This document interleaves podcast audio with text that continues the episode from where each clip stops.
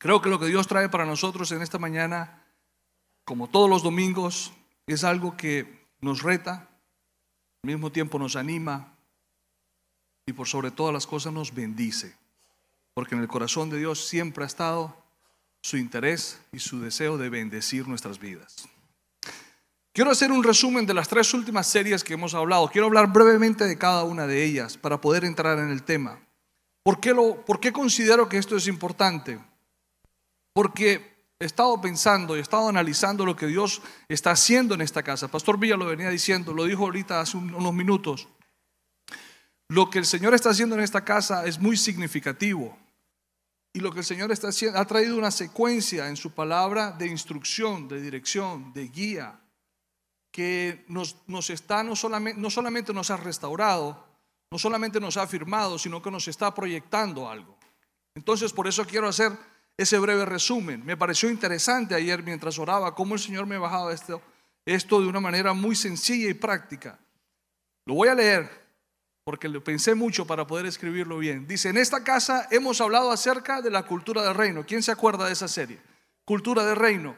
Y entendíamos la importancia en esa serie de saber que este evangelio que escuchamos, este evangelio que cantamos, este evangelio que leemos y estudiamos, va mucho más allá de recibir la salvación y la vida eterna a través de Jesucristo. Cuando estudiamos o cuando compartimos la cultura del reino, entendimos que tiene que ver con un estilo de vida.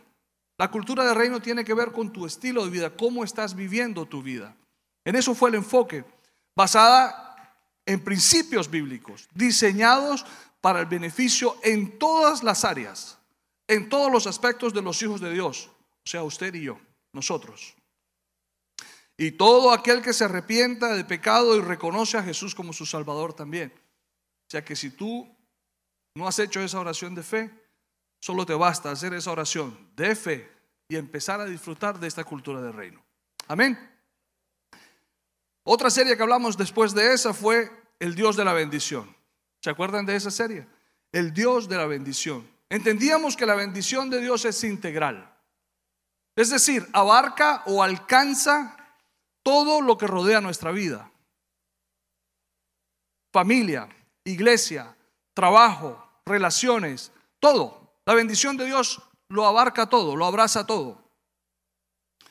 Aprendimos que en muchas ocasiones hemos limitado, pónganse, pues recordemos esto, hemos limitado a Dios cuando queremos calificar o cuando queremos medir o contar la bendición de Dios basado en lo económico. Lo limitamos porque es mucho más allá de lo económico, basado en lo financiero o en los bienes que podemos tener o lograr solamente. No podemos ser tan injustos con Dios. Eso es ser injustos con Él y mucho menos irrespetuosos. Aprendimos que Dios siempre ha querido bendecirnos. En esa serie del Dios de la bendición, desde Génesis hasta Apocalipsis, Dios siempre ha querido bendecirnos. La historia que escribió acerca de nosotros fue para bendecirnos. Amén. Con toda bendición que sobreabunde. Pero primero, primero, transformándonos de tal manera que se cumpla la palabra de Dios en nosotros. Lo podemos leer en Mateo 6:33, dice, mas buscar primeramente el reino de Dios y su justicia, y todas estas cosas os serán añadidas, bienes, finanzas, en fin. Pero primero tenemos que buscar esa transformación a través de la cultura del reino. Y hace poco estuvimos hablando de esta última serie, Sin miedo al éxito. ¿Se acuerdan de esa serie? Que que salió de tres borrachitos mexicanos en un video que yo miré, sin miedo al éxito, banda, y se cayó el que dijo eso. Y ahí el Señor me habló, así que para que ustedes se den cuenta, Dios habla de todas formas, ¿verdad?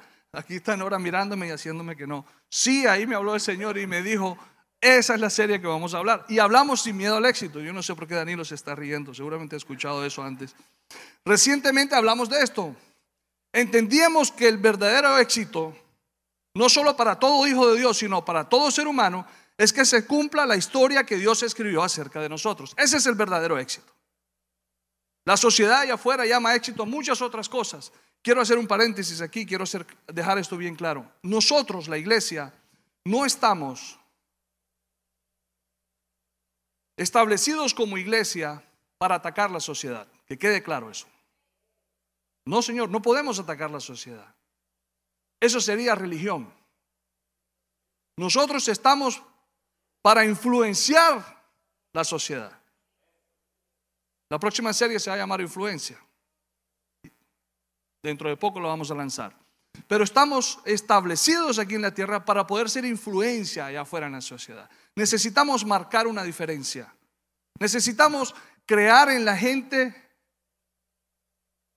¿cuál es la palabra? La, el interrogante de qué es lo que ellos tienen. ¿Por qué él vive así? ¿Cómo es capaz de, de vivir a pesar de? ¿Cómo es capaz de estar bien a pesar de? ¿Cómo es posible que esta persona pueda evolucionar de esta manera? No, porque es un hijo de Dios, pero espérate. Yo quiero aprender de eso. De esa manera necesitamos influenciar allá afuera, modelando y predicando en nuestro verdadero púlpito que se llama el púlpito de nuestra vida. Amén. Cerramos paréntesis y seguimos con este breve resumen. De eso se trata el éxito, de que podamos vivir y disfrutar la historia que Dios describió acerca de nosotros. Llamémoslo como usted quiera, llámelo plan, llámelo propósito, llámelo destino, como usted lo desee llamar. Pero todo aquello que Él mismo escribió pensando en nosotros cuando aún no habíamos nacido, se cumpla por sobre todas las cosas. Y el cumplimiento de esa historia es lo que podemos, es a lo que no podemos tenerle miedo. Sin miedo al éxito es no tenerle miedo al plan que Dios escribió acerca de nosotros. No podemos tenerle miedo. Entendimos la importancia de vivir esta historia para poder afectar de manera muy positiva a nuestras generaciones. Amén. Un breve resumen de las tres últimas series. Esta serie, Sin miedo al éxito, la cerramos el domingo pasado con una enseñanza, una prédica, no sé qué nombre ponerle, titulada Así no se puede. ¿Se acuerdan? Así no se puede. Así no se puede, trae, nace de la inspiración de una dirección que Dios me dio con una sola palabra, orden. Así no se puede. Y creo, el lunes, el miércoles de la semana pasada estuve compartiendo en el devocional y, y dije, se me olvidó un par de cositas que comentar y que ampliar el domingo en la prédica. Voy a aprovechar hoy y lo hice. Y fue tan confrontativo, fue tan difícil para mí, después de haber compartido esta palabra el miércoles en el devocional. Le agradezco a Dios por la vida del pastor Alberto que me llamó y ministró mi vida, porque estaba confrontado yo mismo con el silencio de la gente y con la frialdad de la gente. Cuando Dios nos llama al orden, definitivamente es inevitable que nos incomode. Cuando usted tiene que organizar su casa, en casa, cuando tiene que organizar el garaje, el closet, la gaveta de las medias, sus papeles en el escritorio, es, es inevitable que usted salga de la comodidad en la que está del sofá o de la cama para ir a hacer lo que tiene que hacer. Cuando usted tiene un problema en su boca, y necesita arreglarlo y necesita ir al odontólogo, es inevitable tener que enfrentar a ese gigante del dentista. ¿Verdad? Es inevitable. Es inevitable enfrentar ese ahí en la oreja y uno siente que le están puyando aquí arriba, pero no, es el dientecito ahí atrás. A mí me sudan las manos, me suda todo. Pero es inevitable tener que ir al dentista. Entonces, les prometo que no vamos a hacer una serie de así no se puede. Se los prometo. Pero si vamos a hacer así no se puede parte 2, como las buenas películas. Así lo vamos a hacer. Así no se puede parte 2 y de eso vamos a hablar el día de hoy. ¿En qué nos queremos enfocar con esto? En traer orden a nuestra vida. Así no se puede, tiene que ver con lo que Dios pensó cuando, se, cuando encontró, cuando Dios se encuentra en Génesis 1.2 con la tierra desordenada y vacía. 1.1 dice que el Señor había creado la tierra, pero en el 1.2 dice que estaba desordenada y vacía. Y dice el Señor, así no se puede, así no se puede qué, así no puedo bendecir a mis hijos en este desorden. Vamos a organizar la tierra. Pongámosla en orden. Es lo que Dios siempre ha querido para nosotros, bendecirnos. O sea que en desorden póngame mucha atención a esto que voy a decir. En desorden, Dios no podía, Dios no puede y Dios no va a poder bendecirnos.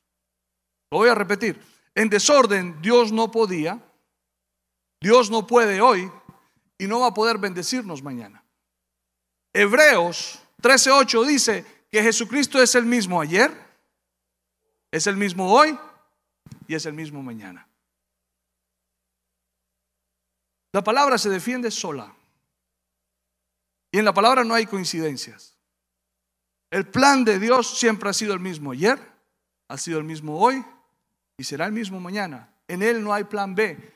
Nosotros nos hemos inventado el plan B. Nosotros hemos querido siempre estar más preparados que Dios y queremos tener, hay que tener un plan B. Pero cuando vives la cultura del reino, te das cuenta que en Dios no hay plan B. Hay un proyecto de vida que te procesa, que te madura, que te ayuda, que te levanta, que te restaura, que te reta, que te incomoda, pero que te bendice. Es el mismo plan de siempre. No hay plan B.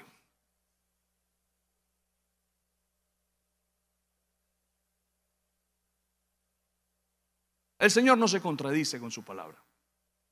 En el sexto día de esta creación, de este orden establecido por Dios, en el sexto día, en Génesis 1.26, la palabra nos dice, entonces dijo Dios, hagamos a los seres humanos a nuestra imagen, para que sean como nosotros. Mira la bendición que Dios tenía para nosotros. Dice, ellos reinarán sobre los peces del mar, las aves del cielo, los animales domésticos y todos los animales salvajes de la tierra, y los animales pequeños que corren por el suelo. Y si me voy al 28, 1.28 dice, luego Dios los bendijo con las siguientes palabras, sean fructíferos y multiplíquense, llenen la tierra y gobiernen sobre ella. Eso fue en el sexto día. Reinen sobre los peces del mar, se aseguró de especificarles y de especificarnos, dice, reinen sobre los peces del mar, las aves del cielo y todos los animales que corren por el suelo. Entonces dijo Dios, miren, les he dado todas las plantas con semilla que hay sobre la tierra y todos los árboles frutales para que les sirvan de alimento. No nos hacía falta nada. No solamente teníamos el dominio sobre todo lo que Dios había creado, sino que nos había, bendecido para que nos sirviesen a nosotros. No nos hacía falta nada. Génesis 1.26 y 1.28.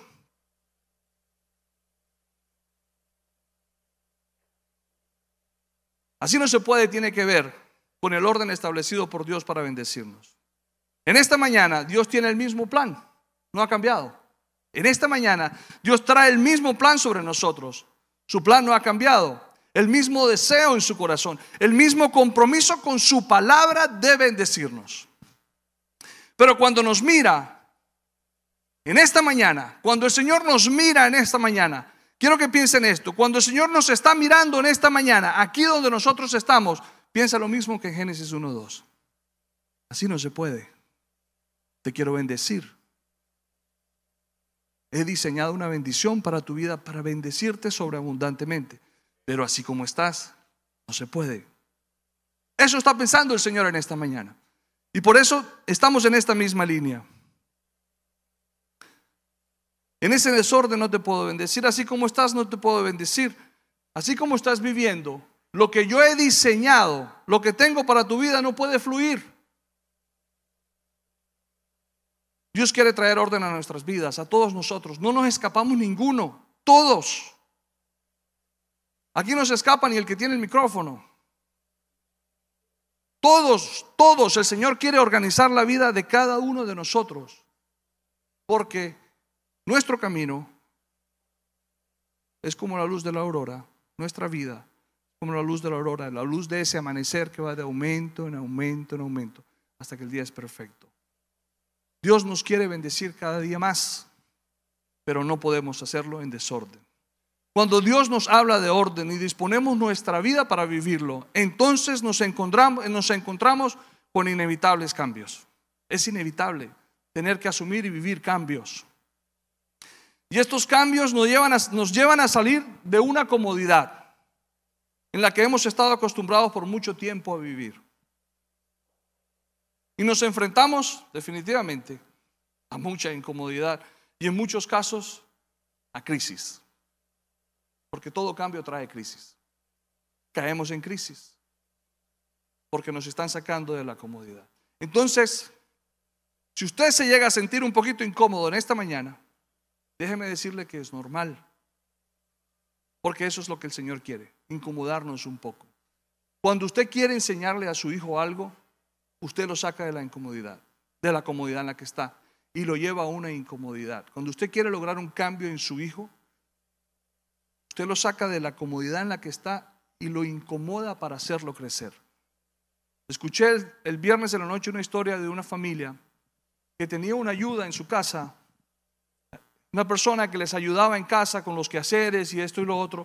Y ellos como padres decidieron por un plan, por un proyecto de vida que se pusieron de acuerdo como pareja a desarrollar, decidieron quitar esta ayuda de la casa para que sus hijos aprendiesen a lavar, a barrer, a limpiar, a arreglar la cama, a recoger los platos sucios, eso es sacar a los hijos de la comunidad en la que están, llevarlos a una incomodidad, pero llevarlos a crecer también, para que sean bendecidos. Enseñarlos a planchar. Yo le comentaba a esta persona que mi mamá cuando éramos niños, los sábados en la mañana jugábamos un juego con nosotros cuatro hermanos que se llamaban los papelitos. El sábado jugamos los papelitos y nosotros, yes, los papelitos, y nosotros hacíamos fiesta y todo. Y mi mamá ponía, hacía una lista de los oficios de la casa. Los echaba en una bolsa y revolvía la bolsa. Y nosotros, el papelito, vamos a jugar los papelitos, y salía a lavar los baños, limpiar la losa, barrer y trapear. Hay que barrer el callejón, el callejón. Callejón era de aquí hasta esa pared quizás, quizás más largo. Y allá que sí que había polvo y basura. Mi mamá nos decía, si no le gusta el que le salió, yo se lo cambio por el que salió por el que me salió a mí, pero lo cambio una sola vez. Entonces, todos buscábamos que no nos salieran esos benditos baños. Pero ese era el juego, ese era el juego, era una manera didáctica en la que mi mamá nos enseñó a barrer, a planchar, a trapear, a cocinar. Créame, que un hombre aprenda a barrer, a planchar, a cocinar, no tiene nada que ver con el machismo. Tiene que ver con bendecir y conformar la vida de un ser humano. Hoy en día yo llego a la casa y yo no espero que mi esposa me cocine. Es más, yo le digo, mami, no quiero que cocines. Yo no espero que mi esposa me planche. Yo no espero que ella arregle la cama. Yo no espero yo no necesito. Yo no me casé con mi esposa para que haga eso para mí. Yo me casé para bendecirla, para honrarla, para restaurar su vida. Y le gusta cocinar, le gusta arreglar la casa, es su pasión, su casa es su, es su castillo, lo, se emociona, le gusta decorarla y todo. Y yo lo disfruto, pero yo no me casé con ella para eso. Yo me casé con ella para otras cosas punto suspensivo y seguimos con el tema. Amén.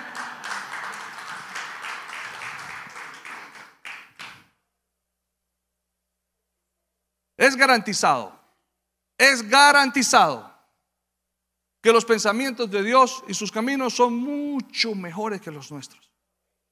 Es garantizado, lo aprendimos el domingo pasado en Isaías 55, del 8 al 9 dice, mis pensamientos no se parecen en nada a sus pensamientos, dice el Señor, se asegura dice el Señor. Y mis caminos están muy por encima de los que pudieran imaginarse. O sea, no hay jamás, jamás hay una imaginación capaz de llegarle cerca a cómo son los caminos que el Señor tiene para nosotros. Pues así como los cielos están más altos que la tierra, así mis caminos están más altos que sus caminos y mis pensamientos más altos que sus pensamientos. Isaías 55 dice, 11 dice, y lo mismo sucede con mi palabra la envío y siempre produce fruto. Siempre, absolutos. ¿Cuántos se acuerdan de los absolutos? El Dios de los absolutos que no deja sombra, que no tiene sombra de variación, ni deja espacio a la duda. Cuando a ti te dicen siempre, siempre, ahí no hay duda. Entonces dice la palabra y dice, y siempre produce fruto, logrará todo. Otro absoluto. Lo que yo quiero y prosperará en todos los lugares donde yo la envíe. En todos los lugares donde Él la envíe. Cuando insistimos nosotros en vivir nuestra manera, a nuestra manera, en nuestro plan, apoyados en nuestra propia prudencia, cuando nosotros insistimos en eso, lo que realmente estamos haciendo es dándole vueltas, dándole vueltas a esta vida completamente innecesarias. Empezamos a vivir muchos días en el desierto sin necesidad, cuando insistimos en vivir en nuestra propia prudencia, en nuestras razones, que yo tengo la razón. Es que me ofendió, yo tengo la razón, sí, pero la palabra te enseña a perdonar. La palabra te anima a que perdones. Sí, pero es que estoy ofendido. Sí, pero es que el perdón tiene que ver con que te liberes tú. No con que liberes a esa persona. Te liberas tú. Por eso el Señor enseña acerca del perdón. Para que puedas, para que no te salgas. Para que no empieces a maquinar en tu cabeza. ¿Cómo me las desquito? ¿Qué le respondo? ¿Qué le digo? ¿Qué le hago? y empieces inmediatamente con estas cuatro frases a vivir tu propia historia. Y dejas de vivir lo que nos enseña la cultura del reino, que es el perdón. Es un ejemplo sencillo, pero es muy significativo. Un viaje de 40 días se pueden convertir en 40 años, preguntémosle a Israel, al pueblo de Israel. 40 días era todo lo que se demoraban, se demoraron 40 años. Y peor aún, no pudieron entrar. Esa generación no entró. Porque insistieron en vivir su propia historia. Insistieron en vivir a su propia manera. ¿Cuántos años llevamos nosotros viviendo y haciendo y solucionando los problemas en los que nos presentamos de la misma manera que aprendimos hace 10 o 15 años? ¿Cuál ha sido el resultado y cuál ha sido el fruto? Analicemos, no pensemos en el tiempo, pensemos en los resultados. Pensemos en el fruto. En algunos casos ha sido bueno, pero les aseguro, por experiencia propia, que en la gran mayoría de ellos no siempre fueron buenos. Entonces, ¿por qué insistimos en seguir haciendo las cosas a nuestra manera?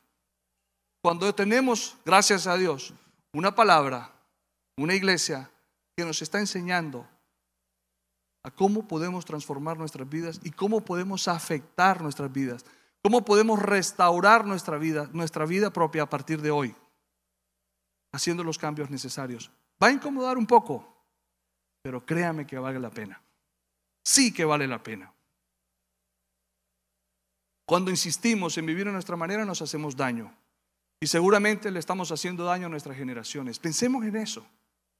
Pensemos en nuestras generaciones, no seamos tan egoístas, no nos paremos en ese orgullo, no nos paremos en ese ego, no tomemos posiciones que al final del día terminan haciéndonos más daño que bien, pero peor que eso hacia nosotros mismos, terminamos modelándole y enseñándole y mostrándole a nuestros hijos y a nuestra generación una manera muy equivocada de vivir. Necesitamos hacer los cambios, necesitamos ponernos en orden. No estoy juzgando a nadie. Y todos aquí, a todos aquí nos ha pasado. Todos. Porque hemos vivido gran parte de nuestra vida. Gran parte de nuestra vida la hemos vivido en enseñanzas basadas en una cultura diferente a la cultura del reino. Y cuando Cristo nos rescata, cuando Cristo nos alcanza y entregamos nuestra vida a Él, entonces empezamos a darnos cuenta que nos habían enseñado muchas cosas al revés. Y asimismo nosotros se lo hemos enseñado y modelado a nuestros hijos. Yo te animo, padre de familia, mamá que estás aquí, que, si que reconozcas delante de tus hijos los errores que has cometido y vayas a ellos y les pidas perdón. No te imaginas el bien que les haces a ellos.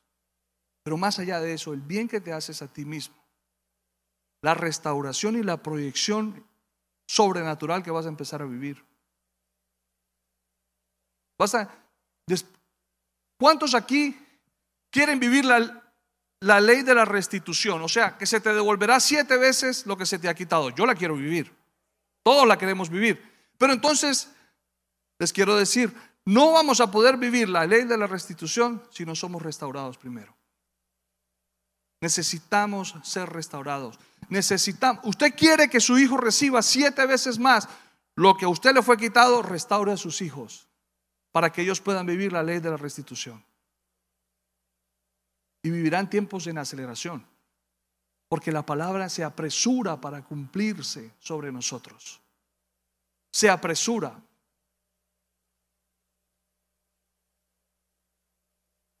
Les quiero hablar de tres áreas sencillas, rápidas. Me ha ido bien con el tiempo, estoy feliz hoy. Les quiero hablar de tres áreas que yo considero importantísimas. Creo que, creo que Dios me las dio el miércoles mientras estábamos aquí. Tres áreas en las que Dios quiere que nos pongamos en orden. Son gobierno, finanzas e identidad. Los que les gusta tomar notas, los que están en el chat, estas tres áreas el Señor quiere que hablarnos en esta mañana y quiere que organicemos nuestra vida en ellas. Gobierno, finanzas e identidad. Empecemos con gobierno. ¿Qué fue lo primero que hizo Jesús? ¿Qué fue lo primero que hizo Jesús para desarrollar su etapa ministerial, esa etapa en su vida ministerial, para, para proyectar su etapa ministerial, para lanzar su etapa ministerial, para empezar a vivirla? ¿Qué fue lo primero que hizo Jesús? Buscó el orden, buscó cobertura, buscó gobierno, Vámonos a Mateo 3, del 13 al 17. Yo se los voy a leer. Solo tomen nota de la palabra. Yo se los voy a leer.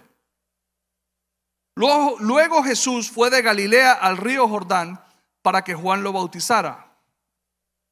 Buscó cobertura. Pero Juan intentó convencerlo de que no lo hiciera. Juan, Juan, pónganse a pensar esto, Juan, el que el Señor llamó para que le abriese camino a Jesús profetizado en el Antiguo Testamento. Juan, la Biblia hablaba de Juan cuando Juan no existía todavía en la tierra. El que el Señor llamó para que hiciera este trabajo, le dice a Jesús, intentó convencerlo para que no lo hiciera. ¿Por qué? Porque Juan dice lo siguiente, yo soy el que necesita que tú me bautices. Entonces, ¿por qué vienes tú a mí? O sea, Juan, en ese instante, profeta, ungido, era el hombre de mayor unción sobre la tierra en ese momento, pero en ese instante, en su buena intención,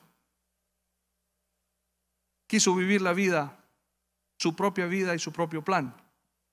Y se atrevió a decirle a Jesús que no, que él no podía bautizarlo, que era al revés la cosa. Pero Jesús le dijo, así debe hacerse porque tenemos que cumplir todo lo que Dios exige. Orden. Entonces Juan aceptó bautizarlo. Después del bautismo, ¿qué pasó? ¿Qué pasó después de que Jesús se pone en orden? Aquí dice, después del bautismo, mientras Jesús salía del agua, los cielos se abrieron. Oh, o sea que el orden abre los cielos a favor nuestro. Entonces yo quiero estar en orden.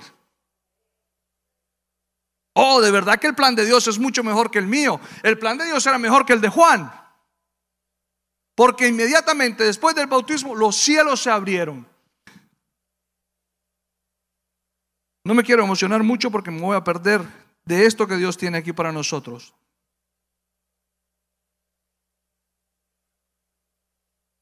Y vio al Espíritu de Dios que descendía sobre él, sobre Jesús, como una paloma. Y una voz dijo desde el cielo, este es mi Hijo, muy amado, quien me da gran gozo. Este es mi Hijo en quien tengo complacencia, dice otra versión. En ese momento, Jesús comienza a vivir su historia ministerial, comienza a vivir la historia que Dios escribió acerca de él, comienza a vivir el plan de redención que Dios había escrito para nosotros en ese mismo instante. En ese momento Jesús se sujeta al orden de Dios. En ese momento, cuando acepta y convence a Juan el Bautista de que debemos hacer lo que Dios quiere y no lo que nosotros u otros quieren, en ese instante se abren los cielos a favor de su vida. Muchas veces tenemos personas muy cercanas a nosotros, personas que tienen un peso sobre nuestra vida, personas muy, muy, muy cercanas a nosotros, que en su buena intención nos sugieren que hagamos cosas que no están en el plan de Dios. Póngale cuidado a esto. En su buena intención, Juan lo hizo. Porque se apoyan en su propio criterio. El criterio del ser humano está basado en lo bueno o en lo malo. La historia nuestra, el análisis que nosotros hacemos de nuestra propia historia, la miramos basado en lo bueno o en lo malo. Pero la historia que el Señor escribió acerca de nosotros no está basado ni en lo bueno ni en lo malo, sino en lo que es correcto. En lo que es correcto. Su propósito, su plan, su historia. Porque lo que es correcto va mucho más allá de la buena o mala intención del corazón del ser humano. Lo que importa es lo correcto. En otras palabras, nuestro criterio no debe ser el guía de lo que Dios ha dicho para nosotros. No, no lo es. La palabra lo es. La palabra es la luz a mis caminos, es la lumbrera a mis pies. La palabra es mi mejor guía. ¿Qué sucedió después de haber hecho esto Jesús? Él se fue al desierto y estuvo en ayuno por 40 días. Y después de los 40 días tuvo hambre y ahí fue atacado. Usted lo puede leer en casa, yo no lo voy a leer aquí. Se lo dejo de tarea. De pronto lo compartimos el miércoles. Lo compartimos el miércoles. En el devocional. Fue atacado fuertemente y solamente con la palabra con esa luz, con esa lumbrera a su camino, él se defendió y salió victorioso.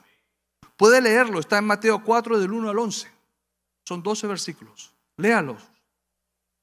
Necesitamos entender la importancia de vivir bajo cobertura, bajo gobierno. Eso es orden. En esta casa entendemos ese orden y es por eso que apreciamos es por eso que honramos. Usted, mi esposa y yo, el pastor Villa, ustedes se han dado cuenta que lo hemos hecho en determinados momentos. Nosotros honramos y apreciamos y respetamos nuestra cobertura al apóstol Wilmer. Es más, les voy a decir algo. No hubiese sido posible que yo estuviese aquí parado el día de hoy si no hubiese sido por el pastor Wilmer. Entregó su vida. Le creyó a Dios. Vivió la historia que Dios escribió acerca de él. Por eso estamos aquí reunidos.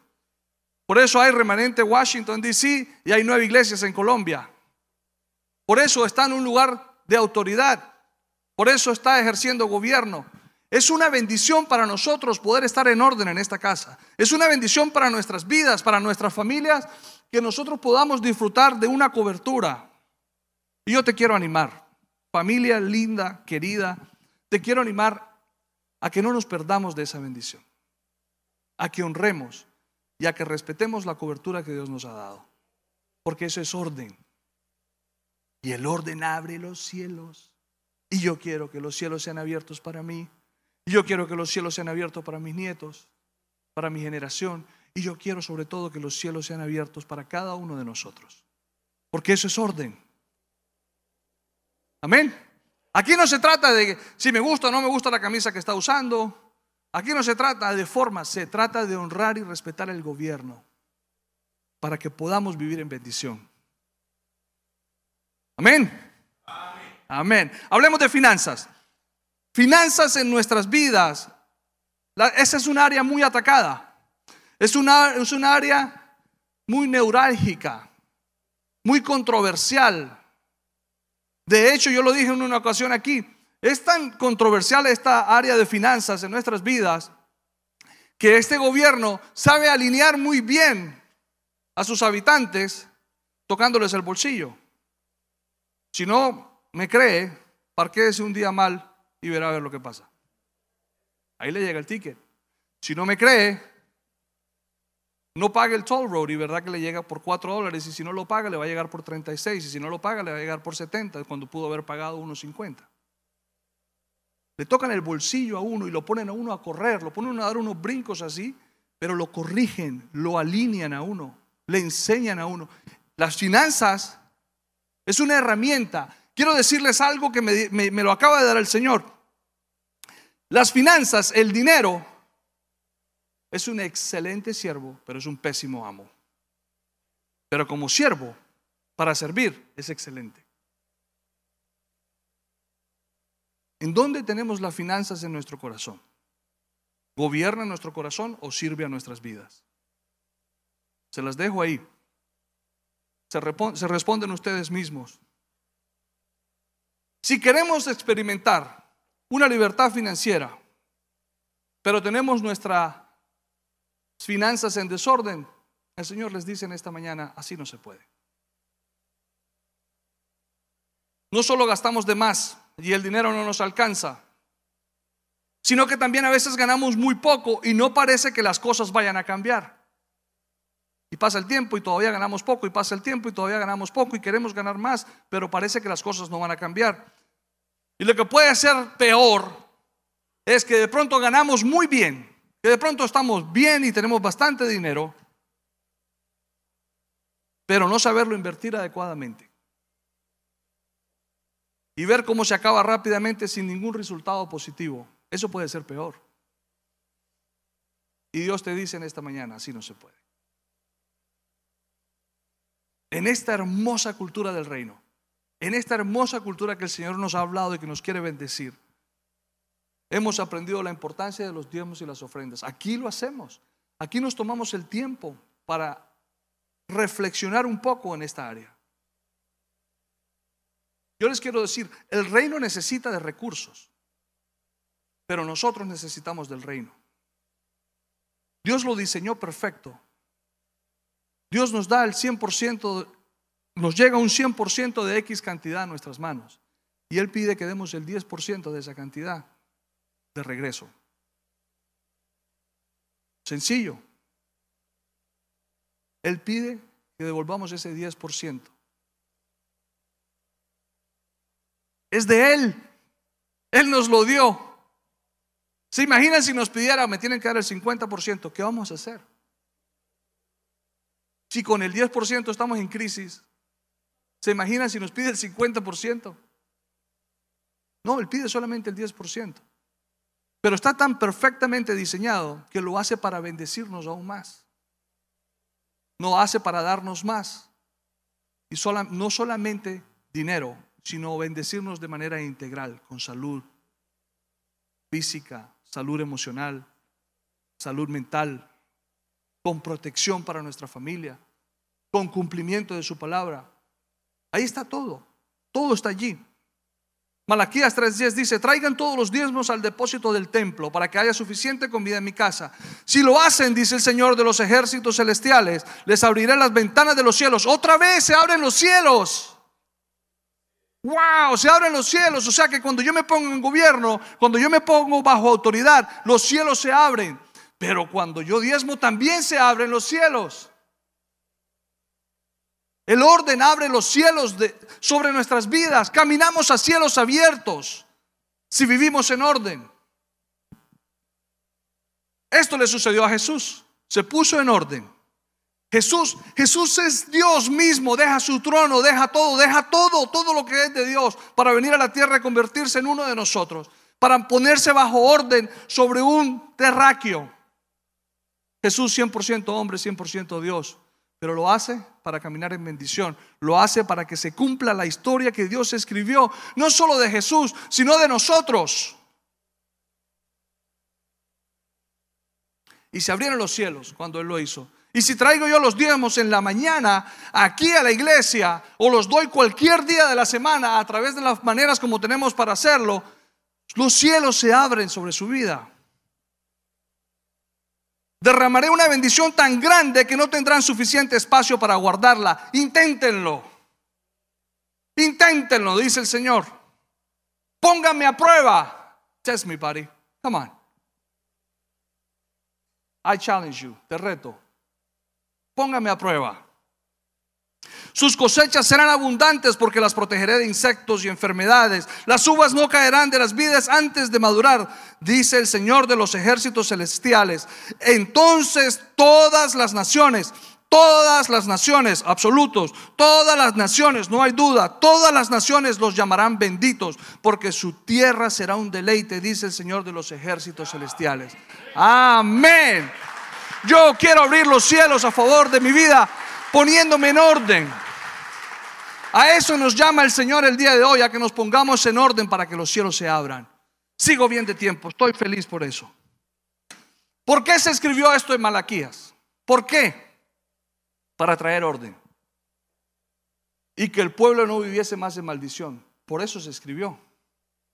O sea, para que el pueblo no viviera su propia historia. Para que el pueblo no viviera en su propia prudencia. Propia prudencia. Y nadie mete la mano. Su propia prudencia. El dinero es mío porque yo lo sudo. Porque yo soy el que me quemo los dedos. Porque yo soy el que me asoleo. Es mío y nadie me lo va a quitar. Ok, vive tu propia historia. El Señor está esperando que vivas la de Él, la que Él escribió acerca de ti. Dios quería que su pueblo viviese en bendición, que viviera la historia que Él escribió de Él. Si leemos Malaquías 3, del 6 al 9, yo se los voy a leer. Yo soy el Señor y no cambio. Ayer, hoy y siempre. No hay plan B. Es el mismo plan. Yo soy el Señor y no cambio. No se me distraigan leyendo. Yo soy el Señor y no cambio. Yo soy el Señor y no cambio, soy el mismo, el plan es el mismo, el mismo desde Génesis hasta Apocalipsis, el mismo de ayer, es el mismo de hoy y será el mismo mañana. Yo soy el Señor y no cambio. Por eso ustedes, descendientes de Jacob, nosotros, aún no han sido destruidos, porque su plan de bendecirnos no ha cambiado. Pero ¿por qué nos habla de destrucción? ¿Por qué nos habla de destrucción? Desde los días de sus antepasados han despreciado mis decretos y los han desobedecido la palabra, la instrucción, la dirección, la guía. La, hemos despreciado. ¿Cuándo despreciamos la palabra? Cuando queremos vivir a nuestra manera. Habiendo escuchado lo que Dios está diciendo. Ahí la despreciamos. Cuando iban a las sinagogas y se reunían, pero no hacían lo que escuchaban, despreciaban sus decretos. Pensemos, esta palabra es dura. Despreciar. ¿Ha despreciado usted alguna vez algo o alguien? Es horrible. Es un gesto horrible. Y eso dice el Señor que hacemos cuando escuchamos su palabra y no la ponemos por obra, la despreciamos. Wow. Ahora, vuelvan a mí y yo volveré a ustedes, porque el plan no ha cambiado. Vuelvan a mí y yo volveré a ustedes. O sea, pongámonos en orden, arreglemos esto. Yo no tengo lío, yo perdono, dice el Señor. vuélvanse a mí y yo me vuelvo a ustedes. Pongamos estas cosas en orden. ¿Cómo os podemos volver cuando nunca nos fuimos? Oh, el orgullo. ¿De qué estás hablando? Señor, si yo vengo el domingo, todos los domingos vengo a la iglesia. ¿De qué habla, Señor, si yo leo la palabra? ¿De qué habla, Señor, si yo, yo, me, yo entro de lunes a sábado a todos los devocionales, no me pierdo ni uno. Y el miércoles de ayuno también estoy ahí con Beatriz. Yo no me he ido a ningún lado, Señor. Yo siempre he estado aquí. Hmm. El Señor contesta y dice, ¿debería el pueblo estafar a Dios? Ojo esa palabra, estafar. Sin embargo, ustedes me han estafado, dice el Señor. Pero ustedes preguntan, ¿qué quieres decir con que te hemos estafado, Señor?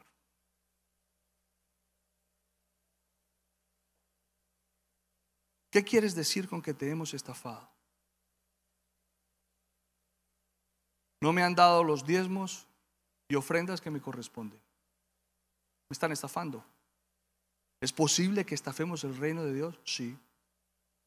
Cuando no cumplimos el principio, después de que nos hablan de Él aquí en casa después de que nos enseñan acerca de Él, después de que nos modelan el principio, después de que nos ministran el principio y no lo ponemos por obra, estamos estafando el reino de los cielos. Qué peligroso es eso.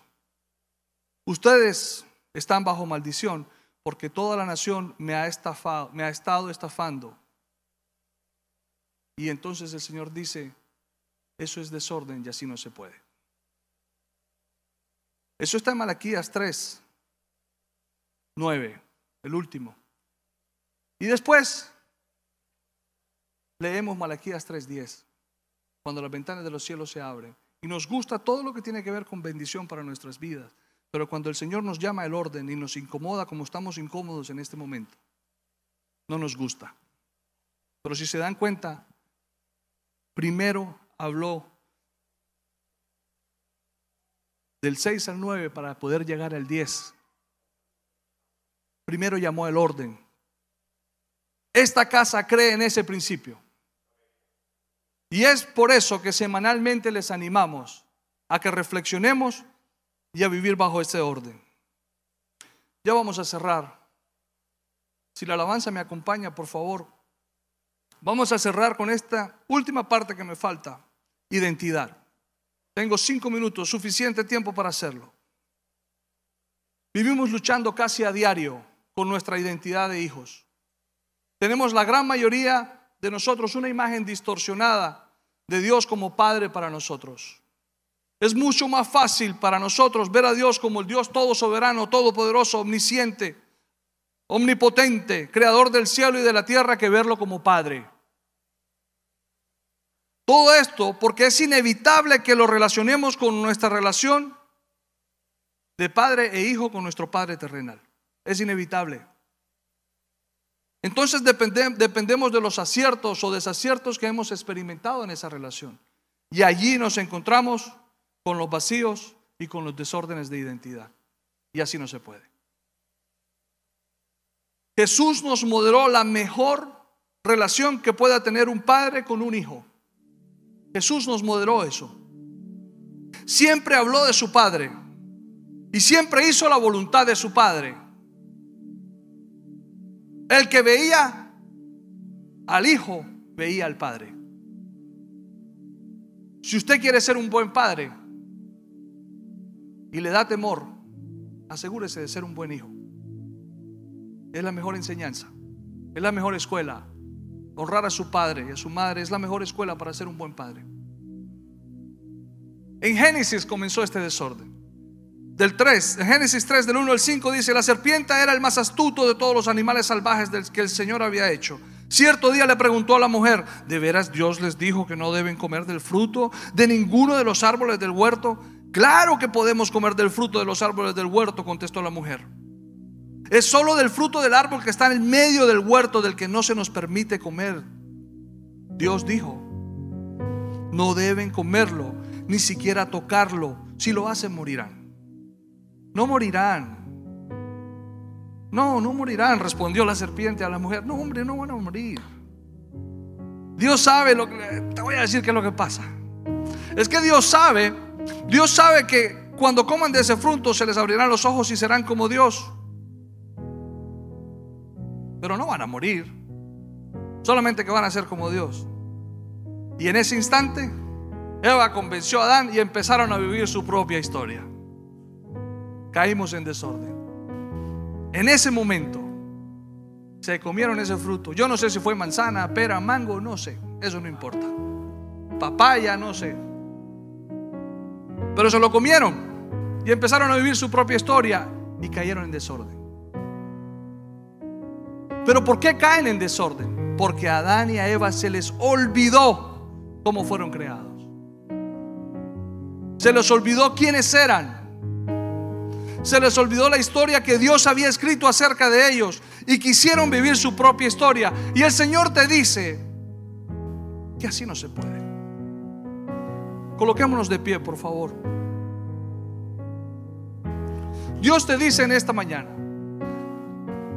que con esa lucha de identidad de hijos, Él no te puede bendecir. Él te mira en esta mañana y te dice que su plan de bendecirte como hijo de Él, como su creación, como su obra maestra, es el mismo de ayer, es el mismo de hoy y será el mismo mañana. Pero quienes deben tomar la decisión de poner nuestra vida en orden somos nosotros. Nosotros somos los llamados a vivir el reto. Si no, miren en los diezmos y las ofrendas. Él dice, hey, pruébeme en esto. I challenge you, te reto. Inténtenlo, porque yo los quiero bendecir. Es un reto, ponernos en orden es un reto. Es salir de la comodidad. Pero si yo te digo que cuando sales de la comodidad y pones tu vida en orden, los cielos se abren sobre tu, vida y los tuyos, vale la pena vivir este reto. Sí que vale la pena. En Génesis 1 del 24 al 27, entonces Dios dijo, pongan atención a esto, que la tierra produzca toda clase de animales y que cada uno produzca crías de la misma especie. Pónganme atención, no se me pierdan. Tres minutos más. Y que cada uno produzca de su misma especie. No se dejen distraer por nada de lo que está pasando. Animales domésticos, animales pequeños que corran por el suelo y animales salvajes. Y eso fue lo que sucedió. Los creó y empezaron a producir de su misma especie. Dios hizo toda clase de animales salvajes, animales domésticos y animales pequeños, cada uno con la capacidad de producir crías de la misma especie. Y Dios vio que esto era bueno. Dios vio que esto era bueno cuando él pudo ver que los perritos hacían perritos, que el caballo hacía caballo que los pájaros hacían pájaros. Dios vio que se podían reproducir, que las gallinas hacían pollitos y después se vuelven gallinas. Dios vio que todo eso era bueno, era bueno. Dios vio, hombre, esto es bueno. Entonces dijo Dios, hagamos a los seres humanos a nuestra imagen. A nuestra imagen. Para que sean como nosotros, para que seamos como Dios. Porque él vio que era bueno que los animales producían de su propia especie. Usted y yo somos de la especie de Dios. Usted y yo somos creación de Dios. Usted y yo tenemos el ADN de Dios. Usted y yo hemos sido llamados a vivir la cultura de este reino. Hemos sido diseñados para vivir, para disfrutar su cultura para vivir sus principios, para caminar a cielos abiertos. Usted y yo, Dios nos creó a su propia imagen. Ellos reinarán, nosotros reinaremos sobre los peces del mar, las aves del cielo, los animales domésticos, todos los animales salvajes de la tierra y los animales pequeños que corren por el suelo. Así que Dios creó a los seres humanos a su propia imagen. Oh Señor, a imagen de Dios nos creó, hombre y mujer nos creó. Pongámonos en orden. En esta lucha de identidad no se puede, no podemos vivir en bendición. Mi Padre me ha confiado todo, dijo Jesús. Nadie conoce verdaderamente al Hijo excepto al Padre. Y nadie conoce verdaderamente al Padre excepto el Hijo. Y aquellos a quienes el Hijo decide revelarlo a nosotros. Hoy Él nos ha revelado al Padre. Hoy nosotros vamos a evidenciar al Padre recibiendo el Espíritu del Hijo. Hoy nosotros vamos a poner nuestra vida en orden. Porque Dios nos dijo esta mañana, hace una hora larga, que así no se podía, entonces nos quiere bendecir poniéndonos en orden. Luego dijo Jesús, vengan a mí todos los que están cansados y llevan cargas pesadas y yo les daré descanso. Pónganse mi yugo, vivan mi historia, la que yo escribí de ustedes. Déjenme enseñarles porque yo soy humilde. Dejemos el ego, dejemos el orgullo, dejemos los argumentos. No somos más que nadie y tampoco somos menos que nadie. Y tierno de corazón y encontrarán descanso para el alma. Pues mi yugo, mi historia, tu historia es fácil de llevar y la carga que les doy es liviana. ¿Cómo no va a ser liviana si vamos a vivir a cielos abiertos? ¿Cómo no va a ser liviana si los cielos se van a abrir a favor de nosotros para bendecirnos? Ahí donde estás, tú que estás en casa, ahí vamos a cerrar todos, los que estamos aquí, los que están en casa. Quiero que por favor inclinen su rostro. Yo quiero orar por ustedes. Tú que estás en casa, quiero que inclines tu rostro y donde estás, levante tus manos. Permíteme orar por ustedes. Padre, te damos gracias. Te damos gracias, Señor, porque en esta mañana tú nos has mirado, Señor, con los ojos de tu amor. Y nos has dicho, hijo, te quiero bendecir Pero en desorden así no se puede. Gracias Señor por traer nuestra vida al orden. Gracias Señor por bendecirnos, Señor, con la bendición que jamás vamos a poder imaginar o explicar. Gracias Señor por tocar nuestras vidas. Gracias Señor por revelarnos tu palabra. Gracias Señor por revelarnos al Padre. Gracias Señor por darnos a tu Hijo. Gracias Señor por la ayuda que no tiene comparación, la ayuda del Espíritu Santo de Dios.